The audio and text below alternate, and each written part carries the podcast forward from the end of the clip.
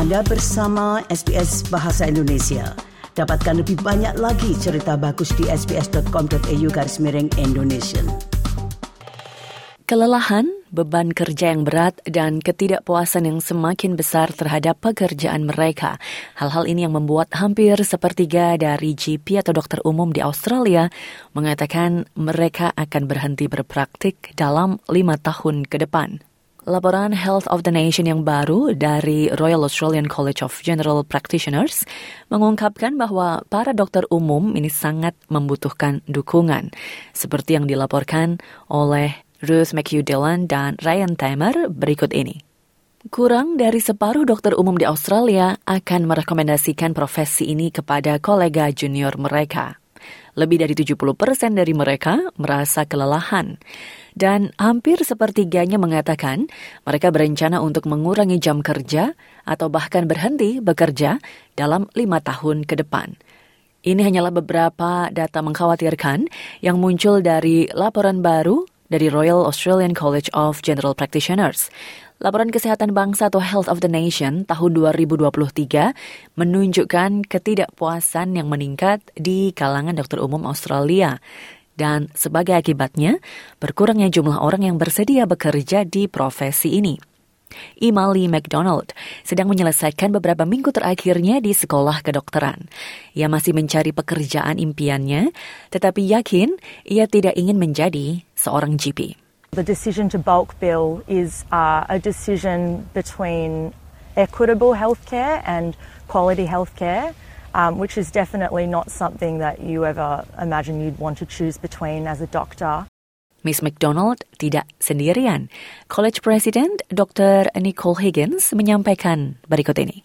We have seen that only 13.1% of our new medical graduates are choosing general practice as a career. So, some of the challenges that have been raised in our Health of the Nation report are around our workforce, the pipeline from the start to the end.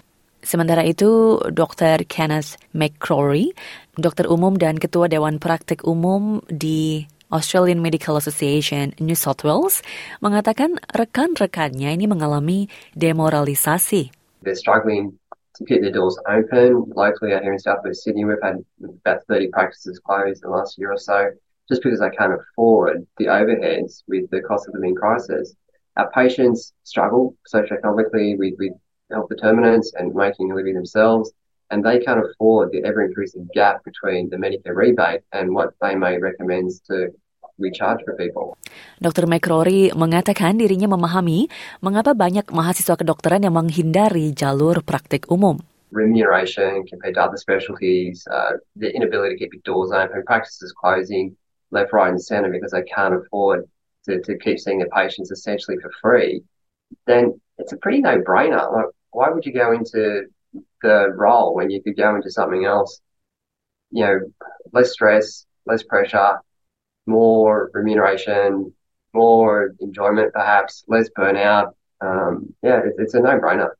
Sementara Dr. Higgins mengatakan insentif yang lebih besar diperlukan guna mempertahankan mereka yang masih mengikuti pelatihan dan masih terbuka untuk menekuni profesi tersebut.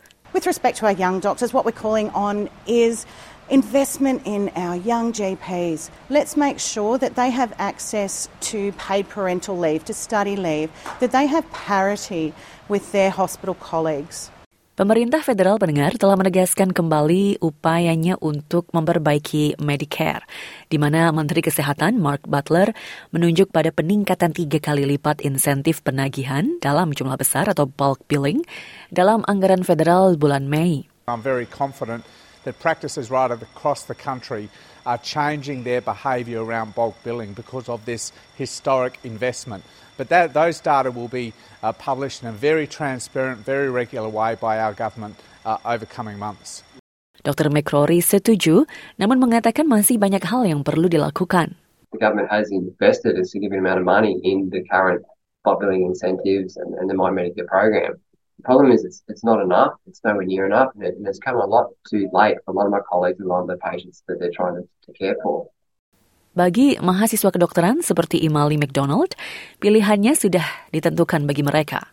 it's really demoralizing to feel like um, what you're eventually doing uh, is going to be compromised in terms of um, impact on patients and things. I guess you go into medicine wanting to do the best that you possibly can for society and for uh, all members of society, and um, yeah, if, if you're sort of unable to do that, it's definitely not appealing. Yeah.